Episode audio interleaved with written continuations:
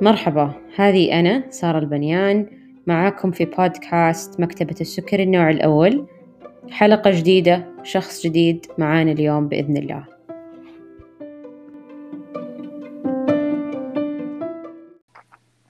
السلام عليكم ورحمة الله وبركاته. اليوم معاي ضيف شخصيا صراحة أحترمه جدا اليوم معاي الدكتور نويد الزمان. دكتور نويد أنا حابة أنك أنت اليوم تعطينا نبذة عنك وعن مجال اهتمامك. أهلا وسهلا أستاذ سارة. سعيد جدا بالاستضافة وشكرا على التقديم. وأتمنى لك إن شاء الله في مشوارك التوفيق والنجاح. أنا أول شيء سعيد أنك ذكرت اسمي بالطريقة الصحيحة نويد الزمان. إذا حابة تعرفي نويد هو معناه خبر صار بشارة بداية يعني. أوكي. آه أول مرة أعرف المعنى. إي لا اسم معناها خبر صار؟ آه أنا استشاري باطنة غدد صماء أنا من أبناء المدينة المنورة آه متخرج من آه آه ثانوية المنارات وبعد كده عملت آه بكالوريوس طب وجراحة في جامعة الملك عبد العزيز في جدة لأنه أيامتها ما كان في لسه كلية الطب في المدينة المنورة. وبعد الجامعة ربنا أكرمني ألتحق بالبعثات حقت الملك عبد الله الله يرحمه عام 2007 ونزلت على أمريكا عملت هناك أول شيء طبعا هي الاختبارات المعادلة اللي يسموها لي لي بعدين ربنا أكرمني عملت ريزيدنسي اللي هو الزمالة في الطب الباطني. و... وأنا في الطب الباطني بدأ ال interest حقي مع ال... مع تخصص الغدد الصماء والسكري و... والحمد لله ربنا اكرمني بالحصول على زمالة الغدد الصماء والسكري من جامعة تافتس في بوسطن ماساتشوستس وبعد كده الحمد لله رجعت لموطني الأصلي المدينة المنورة حاليا بدرس في جامعة طيبة كلية الطب أستاذ مساعد قسم الباطنة. واستشاري باطنة غدد صماء سكري آه عندي عيادة في مركز السكر بالمدينة المنورة وعندي عيادة خاصة آه بروح لها برضو تقريبا ثلاث إلى أربع مرات آه أسبوعيا في مجمع المدينة الطبي. طيب صراحة دكتور يعني إحنا عنوان اليوم حلقتنا يعني أعتقد الكثير لديهم زي التساؤلات عنه اللي هو العنوان إنه تحديات متابعة مصابي السكري النوع الأول في عيادات الكبار. وأعتقد التحديات هذه تجي من ناحية مصاب السكري النوع الأول نفسه ومن الطبيب وال يعني نفسه يواجه تحديات كذلك. فأبغاك توصف لي أبرز التحديات اللي تواجه الطبيب عند متابعة مصاب السكري النوع الأول في عيادات الكبار وتحديدا العيادات الغير تخصصية. يعني مو كل المستشفيات خلينا نقول فيها الإمكانية أو الرفاهية إنه يكون فيها عيادات مخصصة للسكري فقط. فيكون في مزيد من الحالات المختلفة. صحيح. ف... إيه تفضل آه أنت طبعا صار تعرف إنه إنه احتياجات آه مريض السكري أو المصاب بالسكري النوع الأول آه تختلف آه بقدر كبير عن احتياجات الشخص اللي عنده السكري النوع الثاني. آه ويعني هذه الاحتياجات تحتاج متطلبات ومصادر مختلفة. فمثلا عندك السكري النوع الأول. يعني أهمية التحاليل المنزلية والالتزام قدر الإمكان مع المتابعة مع أخصائية التغذية العلاجية العامل النفسي والدعم الاجتماعي للشخص على إبر من على إبر الأنسولين من أربعة إلى خمسة إبر. من عشر سنين وأكثر يختلف اختلاف تام عن السكري النوع الثاني اللي ممكن يكون على إبر يعني بعد ستة أو ثمانية أو عشر سنين من تشخيصه للمرض. فهنا في اختلاف في الاحتياج واختلاف في ثقافة العلاج. ولما يحصل في مزيج هذه الحالات مع يعني حالات المصابين السكري النوع الأول مع السكري الثاني يعني هذا تحدي كبير بالنسبة لل بالاستشاريين اللي هم بيشوفوا المرضى لأنه الغالب الغالب أنه الشخص اللي عنده السكري النوع الثاني الغالب يعني في معظم الأحيان نقدر إحنا يعني نشوف المريض ناخذ الحالة المرضية نكشف على رجوله نتأكد من الأدوية في خلال 15 ل 20 دقيقة. ولكن السكري النوع الأول لا يحتاج يحتاج آه، وقت أكثر من كده. ويحتاج آه، الفهم الجزء النفسي حق المريض آه، أكثر من إنه والله إيش العلاجات؟ العلاجات هي إنسولين ولكن العامل النفسي هنا جدا مهم وكسب الثقة في البدايات. فهذه أعتقد واحدة من التحديات اللي نواجهها لما يسقط مصاب سكري نوع أول في نص العيادة آه، عيادات مليئة بالسكري النوع الثاني. آه، وهنا آه، يجي موضوع إنه التفكير إنه إحنا نفصل أو على الأقل حتى تكون المواعيد مثلا أول ساعتين أول ثلاث ساعات. وهذا اللي بحاول أعمله قدر الإمكان إنه يكون حقون السكر النوع الأول مفصولين قدر الإمكان مع عن السكر النوع الثاني أو أو مرضى الغدد. ولكن الموضوع أحيانا يكون صعب بسبب لأن الموضوع ما هو بس إنه فصل كده بس لأنه الموضوع ياخذ آه، يعني بدءا بالمواعيد والإتاحة من قبل المريض إنه يكون يقدر يجي في الموعد الفلاني آه، توفر المثقف أو المثقفة في نفس الوقت أخصائية التغذية العلاجية آه، وجود أخصائي نفسي يعني وما إلى ذلك. فهو من ناحية الاحتياج والعلاج ترى في اختلاف تماما. آه، ما بين السكري النوع الأول والسكري النوع الثاني. أعتقد التحدي الرئيسي هو آه، الوقت. لأنه إذا إحنا بنقول إنه إحنا ممكن نفهم آه، مريض المصاب بالسكري النوع الأول في خلال 15 دقيقة لا هذا الشيء ما لا ينفع مستحيل. فأعتقد إنه هي يبغى لها عدة زيارات ولازم يكون في عندنا أهداف معينة لكل زيارة نحققها. آه، وإذا تحققت 50 ل 60% من الأهداف هذه في الست زيارات الأولى أعتقد إنه إحنا ماشيين في الطريق الصحيح. آه، جميل كلامك بس يعني آه، يعني أضيف على ذلك إنه ال ال يعني قد يكون كمان هناك يعني خلينا نقول هذه التحديات من ناحية الطبيب بس هل من ناحية المرضى يعني هل واجهت أحيانا آه، خلينا نقول آه، يعني ملاحظات من المرضى إنه إنه والله مثلا ما هم قادرين يأخذون وقتهم كفاية بسبب المواعيد أو ما إلى ذلك. أو هو هو يعني أنا غالبا أسمع أسمع هذه الملاحظات من المرضى. يعني غالبا إنه ما يكون في الوقت الكفايه إن إحنا نأخذ يعني حقنا في الموعد. اي هو هو هو هو هو حكاية الوقت هذه واحدة من الأشياء اللي أنا حتى أنا واجهتها كثير من المرضى. آه صحيح الوقت واحدة من الحاجات ولكن آه، أنا أعتقد انه كسب الثقة كسب الثقة يحتاج وقت. يعني أنا عشان الشخص اللي قدامي المريض أو المريضه اللي عنده سكر النوع الأول عشان يسمع كلامه ويفهم اللي أنا بقوله لازم أكسب ثقته. وعشان أكسب ثقته لازم أجلس أتكلم معاه وأقضي معاه وقت. ما حيجي الموضوع ده في أول زيارة في ربع ساعة. مستحيل. عشان كده لازم يكون في هدف احققه أول ما أشوف المريض في أول زيارتين إنه مثلا الزيارة الأولى أنا حتكون سوشياليزيشن والله بصراحة. مستحيل إنه الزيارة الأولى إنها تكون والله فين قراءاتك؟ وليش ما بتعمل قراءات؟ إيش فين بتضرب الإبر؟ لا لا لا مستحيل. يعني هذا هذا الشخص يعني اللي جاي بالسكر النوع الأول مثلا له 15 سنة آه ما هو جاي هنا عشان ألومه. هو جاي هنا عشان أنا أحتويه.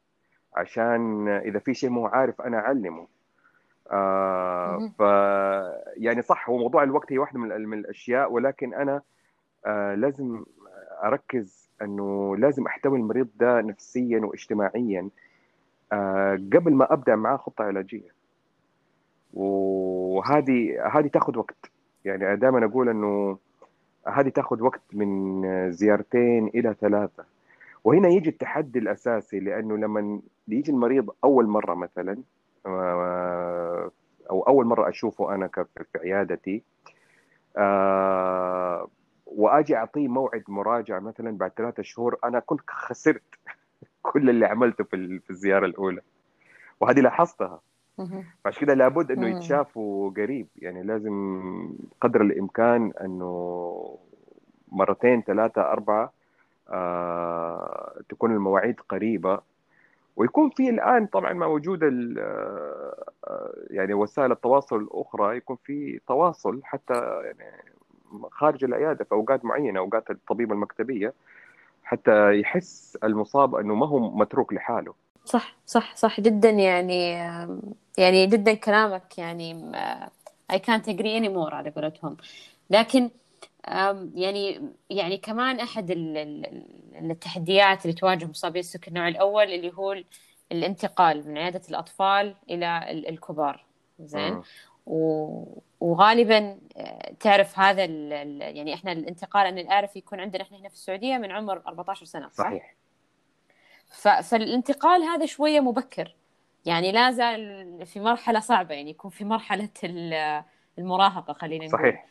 فاللي اللي تشوفه يعني ملاحظاتك اللي انت تلاحظها إيش الانطباع أول شيء اللي يجيك من يعني خلينا نقول المصاب السكري لما يكون لسه محول جديد من عيادة الأطفال؟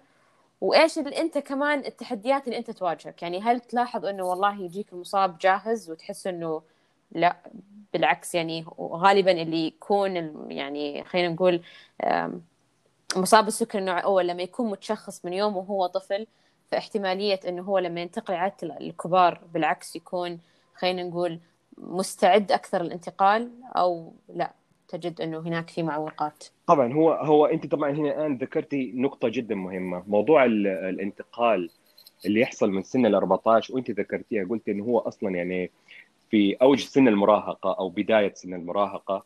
وهذه الحاله هذه الحالة تحتاج يعني جرعات آه، مختلفة و آه، وحتى النفسية شوية تكون آه، مختلفة عن السنين اللي قبلها والسنين اللي بعدها.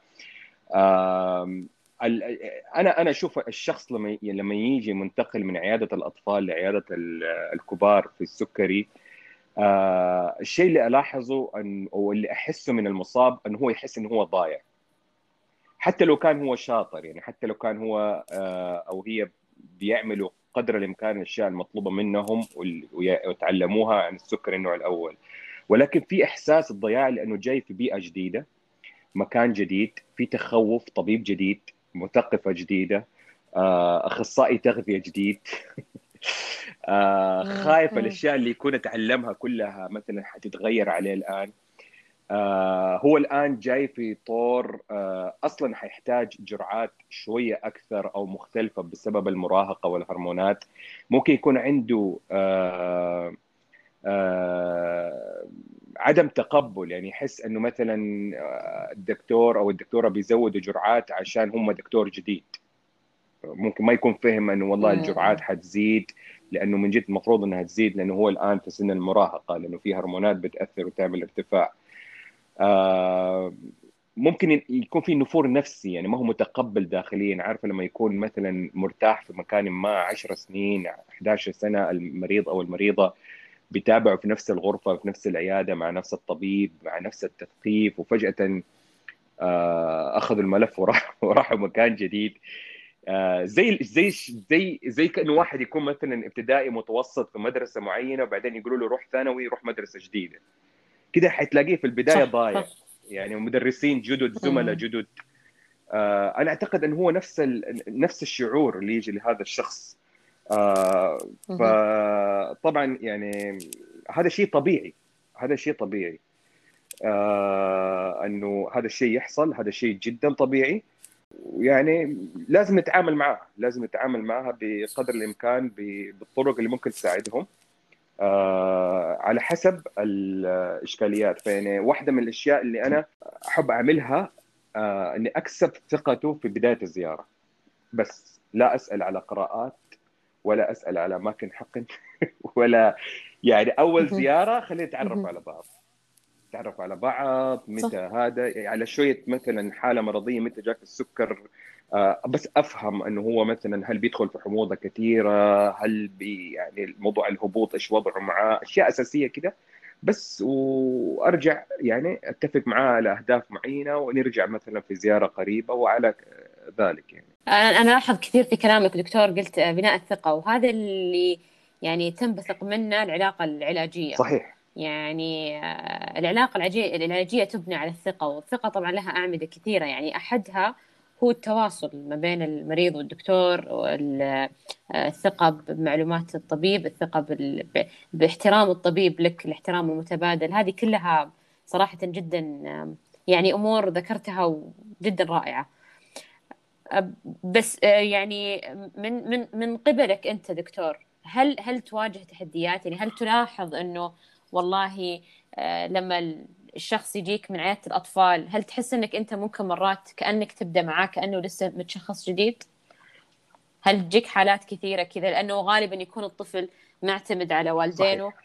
فغالبا لما يجيك عيادة الكبار حيصير يبدأ يستقل أكثر صحيح صحيح وإحنا اللي بنعمله عادة مع الناس مع المصابين اللي زي كذا من من ثاني زيارة أنه نخلي الأب والأم آه، يرتاحوا برا آه ونقول لهم من من ثاني زيارة إنه أنا أبغى أتكلم مع الطفل لأنه كبر. أبغى أفهمه أبغى يتحمل المسؤولية. آه فنحاول انه إحنا نزرع في المسؤولية آه من ثاني وثالث زيارة. قدر الإمكان. في ناس يحتاجوا سنتين حتى أو ثلاث سنين عشان يتحملوا المسؤولية. وهذه كأي شيء ثاني في الحياة. يعني ما يختلف. يعني هو هنا هنا إحنا بنتكلم على مسؤولية إبر بنتكلم على مسؤولية قراءات بنتكلم على مسؤولية حمية آه وهي كأي شيء ثاني زي المذاكرة زي الصلاة زي يعني زي أي شيء ثاني عرفتي؟ فهنا إحنا بنحاول قدر الإمكان إن نزرع في المسؤولية. آه وهذه هذه هذه يعني مع المتابعات يعني بتتحسن يعني. حتى أحيانا بنشوف مصابين مثلا الآن مثلا وصل عمرهم مثلا 21 وأقول يا الله تفتكر لما جيت إنه كان عمره 15 أفتكر لأنه أنا كطبيب ما أنسى. في أشياء يعني صعب صعب انه ننساها عرفتي؟ ف ولما نشوف صح. الشخص بيكبر قدامنا و... وبدأ لا يستوعب هذا ترى يعني الواحد برضه يحس ب يعني يحس بنجاح يحس بتحسن إنه هو في في في تحسن في وضع المريض. والواحد ما يفقد الأمل ترى في ناس في ناس ياخذوا سنين ترى. يعني في في ناس ياخذوا شهور في ناس لا ممكن في أسبوع والله. يعني هي تختلف على حسب الشخص اللي قدامك. وما أقدر أنا أقول إنه والله عشان هذا آخر في أسبوع يعني كل الناس حتتحسن في أسبوع. هذا كلام غير صحيح. لأنه الدعم اللي موجود في البيت الحالة النفسية الوضع الاجتماعي الوضع الدراسي تختلف من شخص لآخر. ما ما ما أقدر أنا أقارن الناس شك. كلها أقول لا إنه ما دام إنه في غيرك عملها في أسبوعين أنت المفروض تعملها في أسبوعين لا في ما في ناس تعملها في سنتين بس حيعملها حيوصل لها. ما دام الأهداف واضحة ما دام الأمور يعني كده جاية bullet point وأمور واضحة والله أنا أبغاك تعمل كده وكده وكده وكده وريني المره الجايه نتفق على كده خلاص. حتحصل إذا ما حصلت الزيارة الثانية والثالثة حتحصل الرابعة والخامس. صح صح. أحد النقاط اللي ذكرتها دكتور اللي هي إنه غالبا أنت في البداية تفضل المواعيد تكون مكثفة وهذا الأسلوب يساعد إنه في خلينا نقول في يعني في تدريج التثقيف على المصاب نفسه وإنه يحصل على الأساسيات من البداية تكون أساسياته قوية غير لما تكون المواعيد متباعدة. فممكن يعني الواحد اللي بناه في موعد موعدين يخسروا لأن مواعيد صايرة متباعدة وبالتالي يعني كأنها تفرض الصحه صحيح. يعني طيب يقولون لك الناس في الواقع إن الواقع اللي قاعدين نشوفه إن المواعيد بعيدة أو أو أو ما إلى ذلك. فلو يسمعك ممكن يعني مثلا يعني لو لو بيدك إنه في حلول انه يعني تساعد في إنه خلينا نقول التغلب على تباعد المواعيد. يعني إيش رأيك مثلا؟ يعني أحد الحلول مثلا الطب الاتصالي وما غيره. فايش ممكن في يعني حلول تخلي إنه الواحد يتغلب على هو هو بداية هو اللي يحصل أنا يعني حتى يعني لاحظتها في يعني بصفة عامة حتى في أمريكا أو في بريطانيا حتى إنه المصابة والسكر النوع الأول آه لما يتحول من عيادات الأطفال إلى عيادات الكبار عادة يكون في في عيادات الكبار يكون في مكان مكتب آه أو شخص مسؤول للتنسيق لتنسيق يعني الملف بالضبط الملف حق المريض هذا ينقله من من جهة الأطفال إلى آه، جهة عيادات الكبار. فيكون في تنسيق حتى نعرف يعني حتى الطبيب قبل ما يوصل له الشخص يعرف مثلا يعني يكون عنده شوية خلفية من قبل ما الشخص يعني قبل ما يشوف المريض أو المريضة يكون عنده خلفية إيش ال ال ال ال ال البيئة الاجتماعية والنفسية اللي جاي منها المريض من قبل ما يبدأ معاه هذه تساعد كثير حتى في لغة الحوار من البداية. آه ثانيا موضوع المواعيد اللي بعيدة. آه هذه يعني هذه لها يعني عوامل كثيرة بسبب يعني عدد المختصين آه، ما زال يعني لسه ما يغطي عدد المصابين. يعني هذه واحدة من الأشكاليات اللي نواجهها. آه ولكن اللي أنا بعمله آه أنه مثلا أنا لما أعطي مواعيد قريبة يعني أنا ما أعطي المواعيد القريبة إلا لي مثلا هدف معين. مثلا لو أحد بدأ معايا مثلا جاي بموعد رسمي أقول له مثلا تعال لي بعد أسبوعين وأنا عندي هدف بعد أسبوعين مثلا أنا ما حقضي معاه أكثر من خمسة لسبع دقائق لأنه في هدف معين حوصل له وخلاص بعد كده يتابع بعدها بأسبوعين. فيكون في أهداف محددة. مثلا الزيارة الأولى يكون الهدف مثلا إذا كان هو جايني من غير أي قراءات الزيارة الأولى إنه مثلا آه، طب روح وقد ما تقدر روح سجل قراءات وتعال. خليني أفهم أول شيء إيش إيش اللي قدامي. ممكن هو يجيني بقراءتين في أسبوعين عشان أفهم حتى الشخص اللي قدامي. عرفتي؟ آه يختلف عن مثلا أنا أرسل مثلا واحدة أقول لها روح اعملي قراءات وتعال تقوم تجهز لي أربع صفحات دفتر كامل متكامل. هذا الشخص اللي مهتم واللي بيكتب ملاحظات واللي بيعمل قراءات حتى لو في عنده صعوبات واختلافات ومشاكل. ممكن نبعد له المواعيد شوية لأنه مهتم عرفت؟ يعني ممكن نخلي مثلا بدل ما ثلاثة شهور نخليه شهر. بس الشخص اللي ابدا ما هو مهتم لا ده ممكن يحتاج زيارة أسبوعية فهي تختلف باختلاف الشخص اللي قدامي. آه وهذه تلعب دور. يعني في ناس مثلا يكون عندهم دعم اجتماعي من الوالدين من الأخوان. أحيانا نلاقي أخوان وأخوات للمصابين يعني فاهمين السكر النوع الأول بحذافيره. آه فدول ممكن نعتمد عليهم شوية يعني في في يعني في المصادر والهذا عشان نبعد المواعيد. وهي هي معظمها تنضاف يا سارة. هي هي كموعد رسمي صعب. بس هي تيجي كانه والله تعال ترى بعد أسبوعين آه حاجلس معك خمس دقائق عشر دقائق. خلينا نشوف القراءات. آه أو مثلا نتكلم على أماكن الحقن أو مثلا خلينا نتكلم بس إنه كيف ممكن نعالج الهبوط ولا ممكن تعال أوديك عند اخصائي التغذية نبدأ نتكلم عن الكربوهيدرات أو مثلا حتى بلاش كربوهيدرات خلينا نتكلم على إيش هي النشويات تختلف من شخص إلى آخر صح؟ فهي يعني هي طبعًا. هي تعتمد على الشخص اللي قدامي مو كل واحد يحتاج موعد أسبوعي ومو كل واحد يحتاج موعد آه، آه، كل ثلاثة شهور أنا حتى أحيانا أقول للسكر النوع الأول ترى أنت تحتاج موعد كل ثلاثة شهور عشان التحاليل آه، وعشان أتأكد إنه الأمور طيبة. وزي ما أنت ذكرتي أحيانا ممكن يحتاج إنه الطبيب برضه يركز إنه في أشياء ممكن هو ما يعرفها يتعلم منها. آه بس إذا وصل للمرحلة خلاص اللي يعني أنا كطبيب اطمنت أقول له لا أنت تعال. آه كل ثلاثة شهور وإذا لقيت نفسك حتى كل أربع أو خمسة شهور ما عندي مشكلة. بس مثلا زي فترة قبل رمضان أقول له لا لازم تيجي. يعني ما تيجي أنت مثلا تروح رمضان تصومها وأنت ما شفتني من ثمانية شهور. يعني في في في أشياء تلعب دور نعم. هنا آه في إنه متى المواعيد وكيف نحددها وكيف نتابعها. آه هي تحديات هي موجودة بس هي ما هي صعبة يا سارة. هي ما هي صعبة. هي هي هي هي الواحد بس إنه لو لو جدولها أنا كل اللي موجود عندي دفتر تقويم عادي فيها الأيام بالهذا و ولما أعمل إضافات آه، أكتب أسماء. لقيت مثلا إنه الواك ان أو الأسماء المضافة أكثر من عدد معين لا خلاص أقلب على الأسبوع اللي بعده. هي ما يبغى لها إلا أكثر من كذا بس انتهى الموضوع. يعني هي ما يحتاج إنه نعقد الموضوع.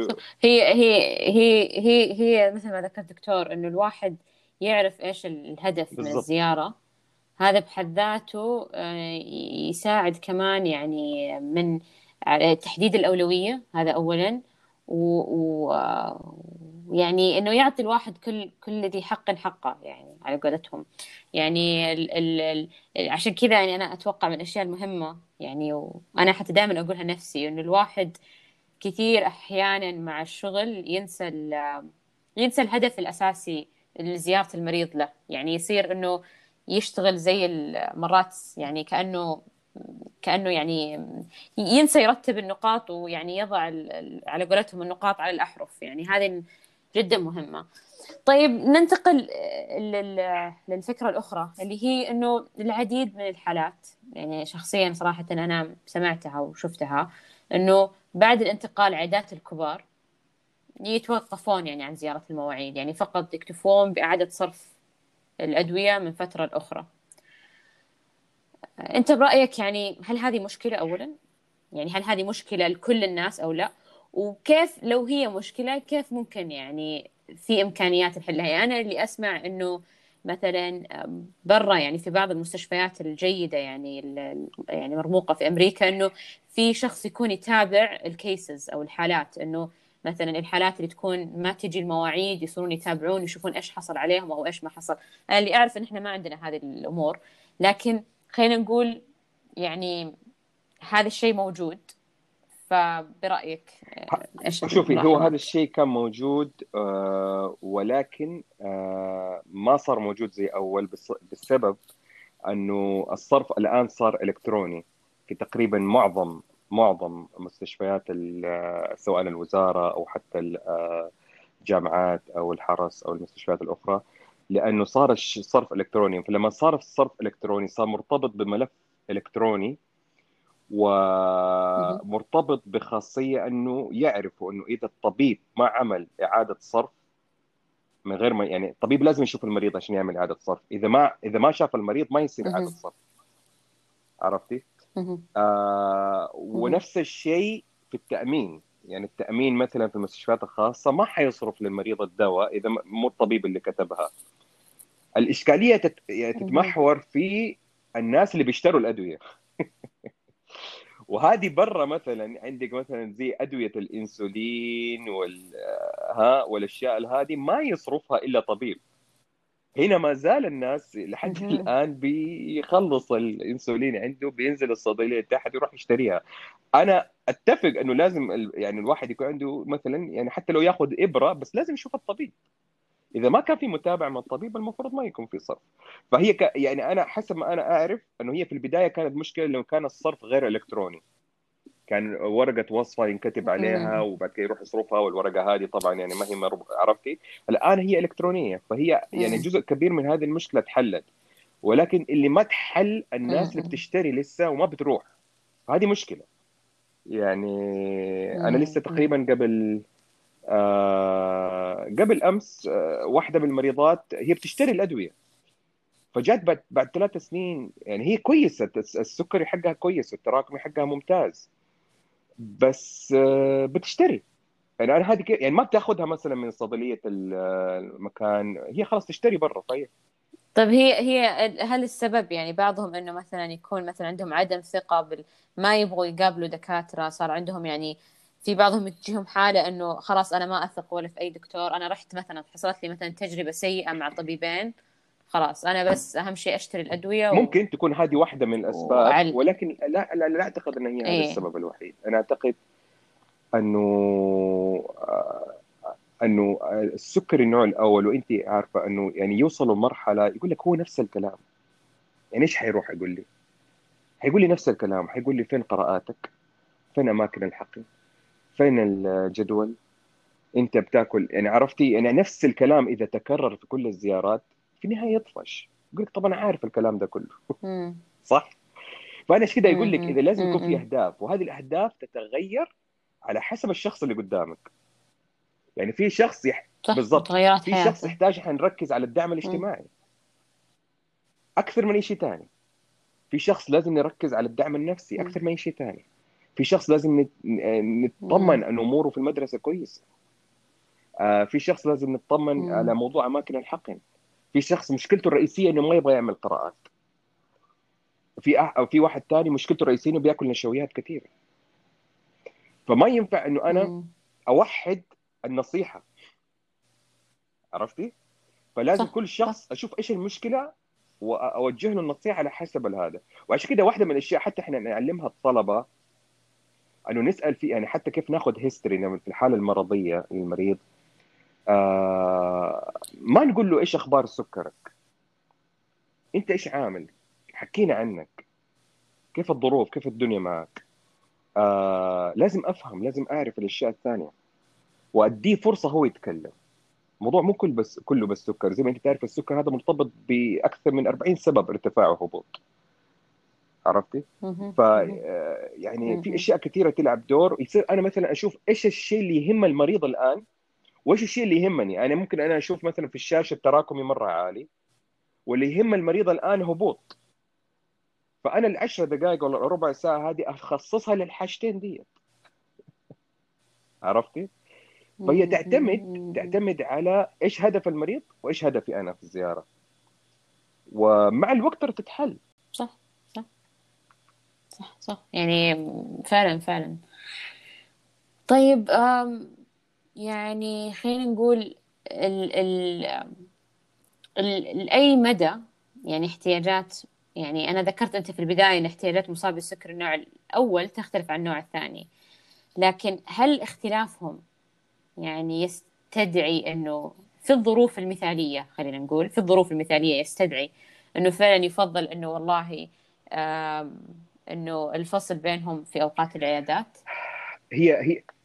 يعني كأريح أريح لك أنت كطبيب طبعا. أنت تصير تركز أيوة. هي هي طبعا. ولكن ولكنها لوجستيكيا صعبة. يعني يعني صح صح. خصوصا, في الكبار, في الكبار لأنه طبيب الغدد ما بيشوف حتى بس سكري ترى. بنشوف آه، غدد صماء بنشوف الدرقية النخامية هشاشه العظام آه، سرطان الغده الدرقية آه، السمنة. يعني هو ما هو بس إنه نفصل عن السكري النوع الثاني السكري هو الاحتياجات زي ما ذكرنا الاحتياجات والمصادر والدعم النفسي وحتى التعامل مع التثقيف أو التغذية يختلف اختلاف تمام مرة تام تماما عن أي شيء ثاني. آه الأفضل الفصل آه بدل ما إحنا نقول مثلا نفصل بعيادة كاملة آه ليش ما مثلا آه يعني واحدة من الأشياء اللي أنا بعملها أنه المواعيد حتى أنها تكون مثلا للسكر النوع الأول مثلا تكون في البداية أو في المنتصف أو في النهاية آه في نفس هذا في نفس ال session. بس إنه بالضبط يعني حتى لما الطبيب يدخل mode إنه يبغى الحين خلاص يعني الحين إحنا حيجونا كلهم type 1 سكري نوع أول. كلها حيكون آه، يا pump يا CGM أو حتى دفتر قراءات. حتى ال mode حتى في الشغل حقنا حيصير شوية يعني more effective طبعا يعني إذا ما قدرنا نفصلهم في عياده الحال لأنه فصل العياده لحاله كمان هو ما يعني ما هو فصل طبيب بس أنت تحتاج إنه يكون معك برضه في نفس الوقت يكون في تثقيف كويس في نفس ال آه في نفس الفترة. أيوه يعني التثقيف تلاقيه برضه نفس الشيء بيغطوا type 1 ويغطوا السكري نوع أول والسكري نوع ثاني ويغطوا سمنة. صح؟ واحيانا ينزلوا مستشفيات يغطوا السكري المنوم في مستشفيات. فهي موضوع الفصل زي ما قلت لك يعني ممكن يكون صعب ولكن هل ممكن؟ يعني ما هو, ما هو عملي. ولكن هل ممكن إحنا آه يعني نخلي في نفس ال session مواعيدهم يا في البداية أو في النهاية أو في المنتصف مثلا. يعني نعرف مثلا إنه ال session من 9 ل 10 ونص دول يكونوا فقط سكري نوع أول. ليش لا؟ هذه مقدور عليها يعني هي بس اللهم شوية تنسيق مع الاستقبال والتثقيف وكذا وحيتحل المشكلة. باعتقادك آه، دكتور إنه يعني ال ال أنا شفت كثير ركزت إن إحنا في البداية وطرحنا كثير موضوع العلاقة العلاجية وبناء الثقة وما إلى ذلك. فمن تجربتك إيش أكثر؟ يعني باعتقادك أكثر مهارات تواصل تشعر إنها يعني هي يعني خلينا نقول تمهد الطريق جدا لبناء علاقة ناجحة بينك وبين مصاب السكر النوع الأول. هي كسب الثقة يا سارة تيجي أنه إحنا نعطي فرصة وأريحية للمصاب أنه يتكلم. هو اللي لاحظته شخصيا أنا حتى في البدايات وهذا كان يعني خطأ بيحصل أنه كنت أنا اللي بتكلم وهذا خطأ. فلازم نعطي فرصة ونفهم الشخص اللي قدامنا نخليه يتكلم عشان نفهم فين المشكلة. تمام؟ ونكسب الثقة أنه نعطي يعني أول شيء نعطيه أريحية للكلام آه نخليه يفضفض يتكلم ويشوف حتى يعني ممكن يكون الموضوع حلو ممكن ما يكون حلو. وبعد كده نسأله يعني نحسسه بالمسؤولية. واحدة من الأشياء اللي مثلا نعملها أنه متى تشوف أنت المفروض يكون موعدك القادم؟ يعني أنا ما أخلي الموضوع الموعد القادم أنه أنا المسؤول لا روح تعال بعد ثلاثة شهور. هذه بنعملها كثير مع السكر النوع الثاني لأنه أمورهم طيبة والأمور ثابتة في معظم الأحيان صح؟ قول له لا أنت خلاص تجيني بعد ثلاثة شهور. لا أنا السكر النوع الأول أقول له لا أنت متى شايف؟ إحنا اليوم تكلمنا على كذا نقطة. متى تشوف إنه إحنا ترجع لي تجيني بعد أسبوع بعد أسبوعين بعد شهر. و... والموعد اللي اديني هو خلاص ألتزم فيه. بس بشرط ألتزم فيه وأعطي له شوية أهداف. أقول له خلاص ما دام كذا طب أنا سمعت كلامك أنت حتجيني بعد الفترة المعينة بس أنا أبغى منك برضه طلب زي ما اسمع كلامك. حيسمع. حتسمع البنت أو الولد حيقول لي طب إيش تحتاج؟ أقول والله أحتاج واحد اثنين ثلاثة أربعة. أحتاج مثلا تعمل لي قراءة مثلا قبل هذا أحتاج أنه مثلا لو لو حصل أو حسيت بأعراض الهبوط تعالجها بهذه الطريقة. أحتاج مثلا أنه أكل برا مثلا ما يكون إلا مرة واحدة في الأسبوع. يعني أشياء معينة كده ما تكون كثير معقدة تكون بسيطة وتنكتب. هذه الأهداف تنكتب. والودود والود ودي تكون عقد وتتوقع بس إنه يعني بس إنها تنكتب. تنكتب على دفتر القراءات وهذه موجودة ترى في دفتر القراءات بنكتبها. ترى أنا دكتور على طاري العقد يعني لو إيه؟ عذرا لو قطعت أفكارك لكن أعتقد من الأشياء الجميلة الحلوة اللي لو يعني حتى تمهد يعني خلينا نقول التوقعات. انه دائما في توقعات قد تكون يعني خاطئة من المريض للطبيب صحيح. والعكس صحيح. من الطبيب على المريض.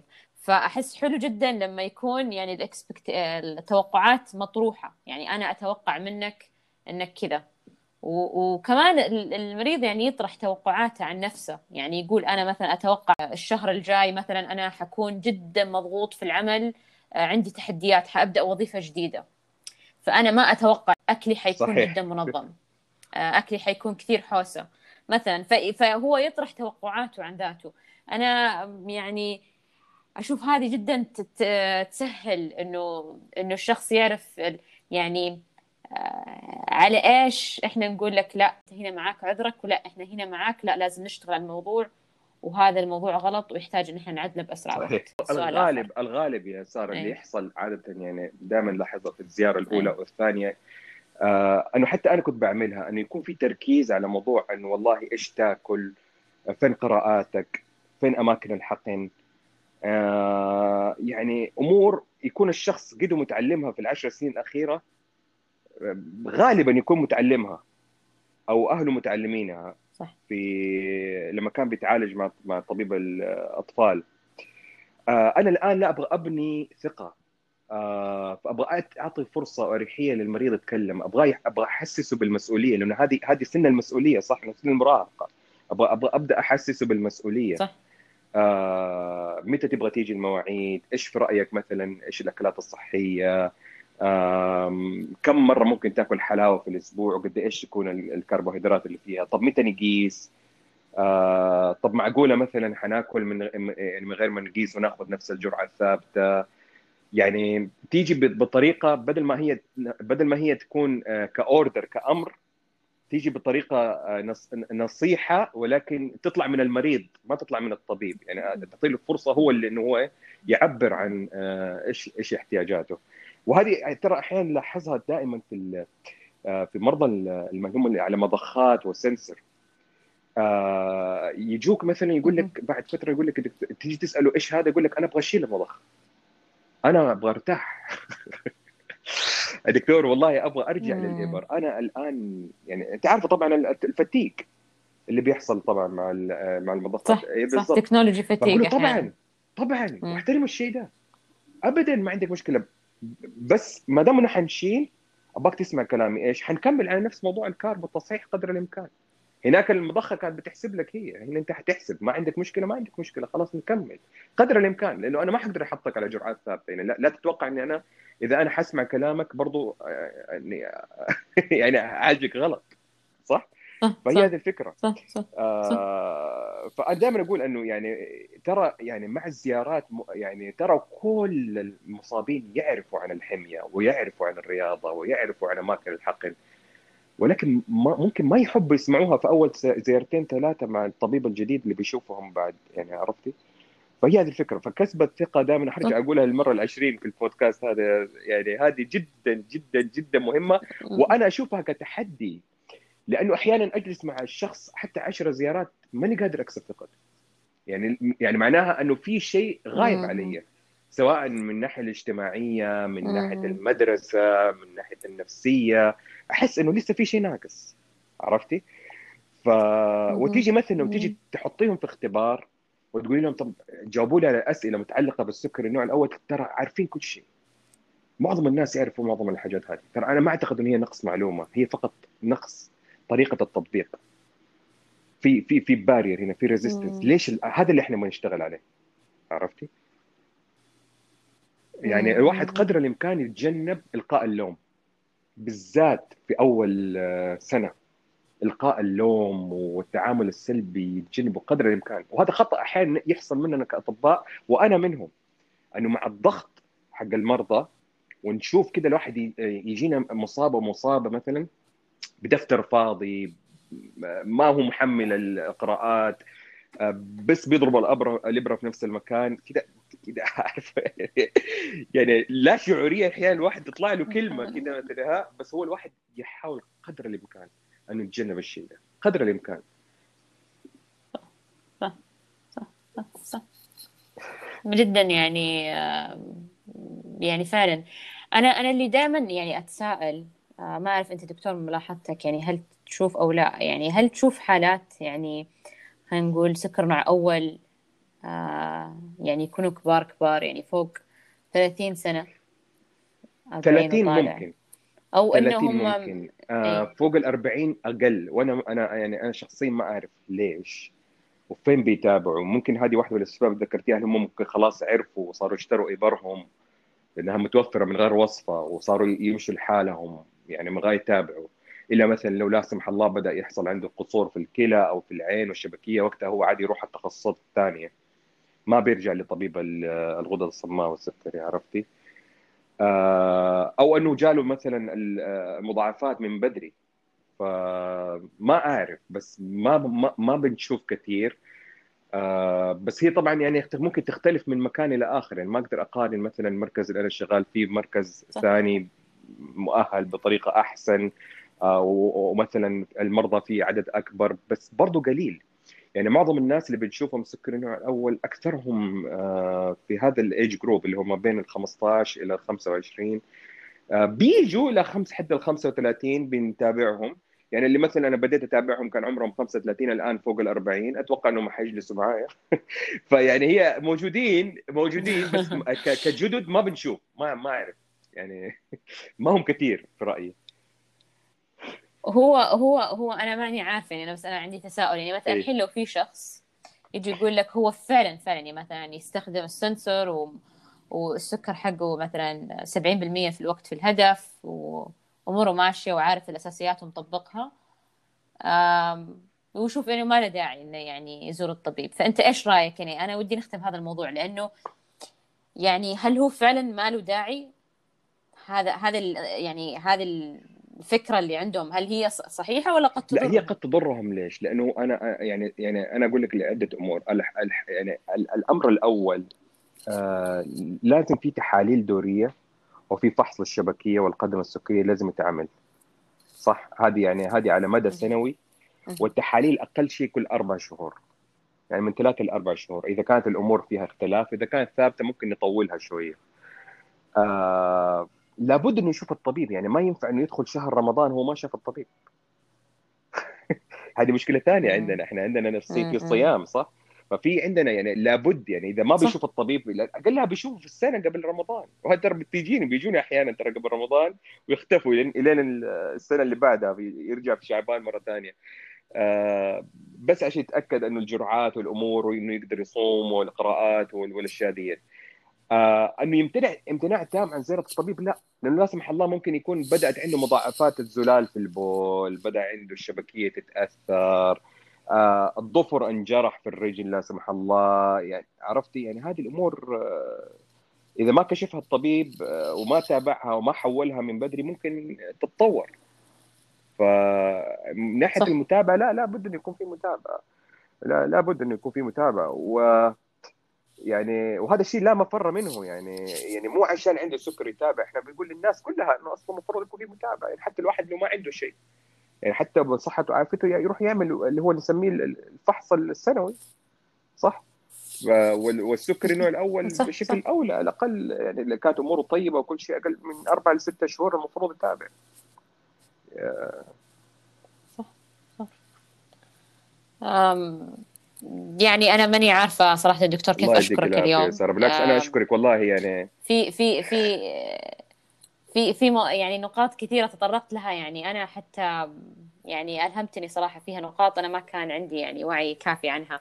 لكن إذا حاب تختلفنا بأي نقطة أي حاجة تشوف إنها يعني فكرة في بالك حاب تطرحها الله يديك العافية سارة. والله شوفي يعني أنا بصراحة أشكرك آه، على مجهوداتك على تغريداتك على آه على مكتبة السكري النوع الأول أنت وجميع الزملاء اللي ساعدوا في بناء هذا الشيء. يعني هذه بصراحة أنتم تعتبروا مصدر فخر واعتزاز لنا كأطباء آه عاملين بالمجال الصحي وفخر لجميع المصابين والمصابات. أنا أسميهم أبطال ما أسميهم مرضى أسميهم أبطال السكري النوع الأول. أنا ال ال ال ال يعني ال الود ودي أنه أنه السكري النوع الأول لا يعامل لا يعامل ك ك كسكري نوع ثاني سواء من قبل الطبيب أو التثقيف أو حتى من قبل المريض.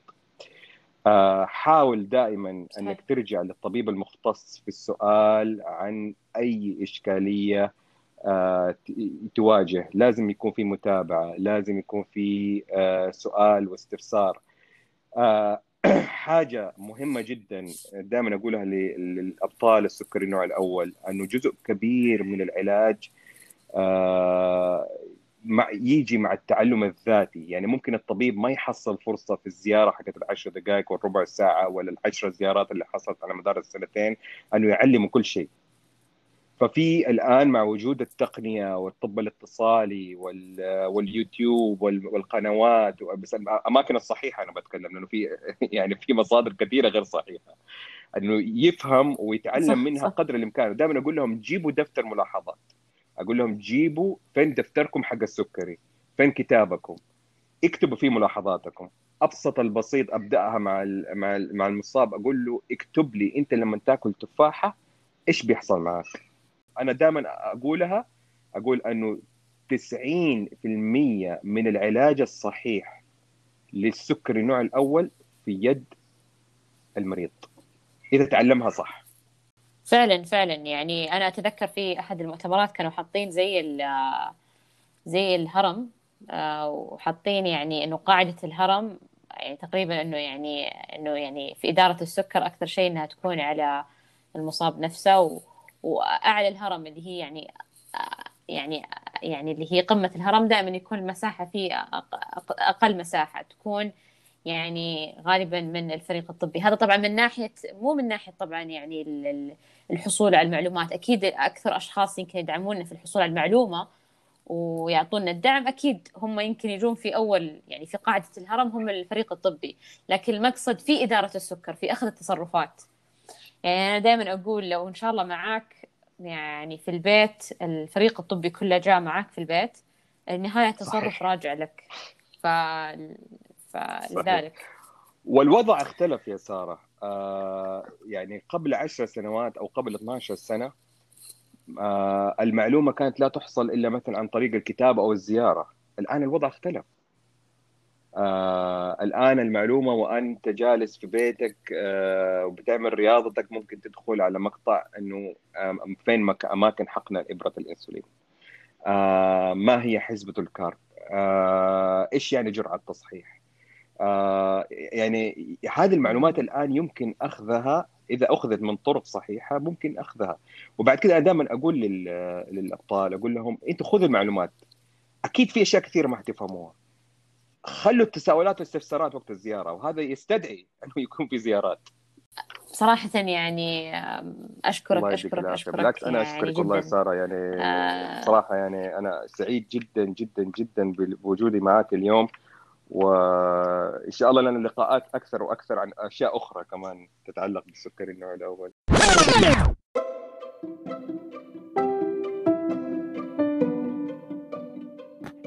بعد الانتهاء من حلقة اليوم أتمنى أن تكون وضحت الصورة باختلاف تحديات واحتياجات مصابي السكر النوع الأول.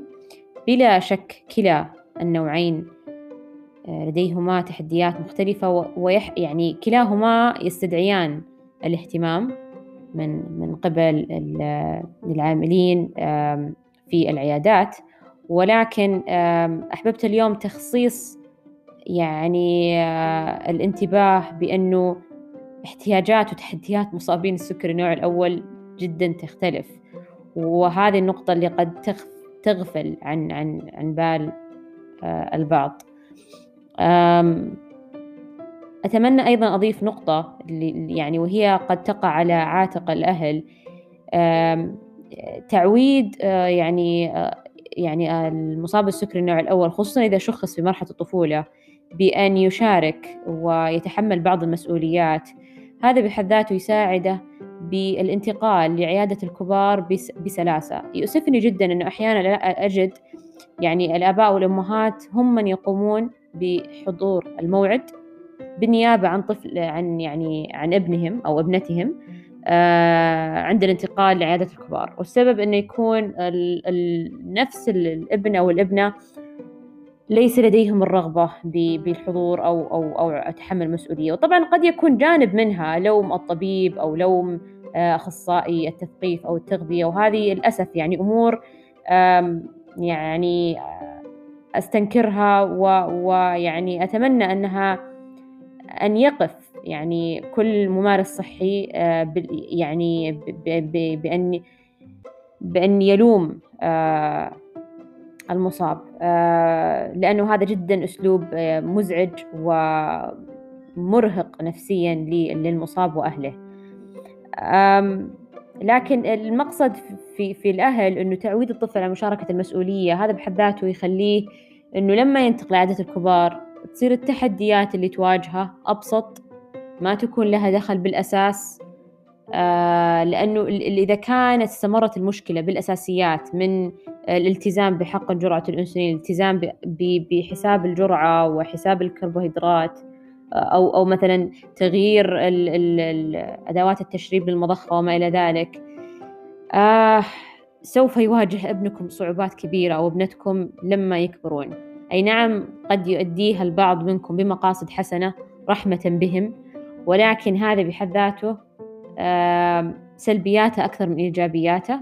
المشاركة آه، وتعويد الطفل. تحمل المسؤولية هو مفتاح ل آه، يعني آه، الحصول بإذن الله ابنكم وابنتكم على مستقبل أفضل مع السكري النوع الأول. أتمنى تكونوا استفدتوا من حلقة اليوم وأراكم في حلقة جديدة بإذن الله.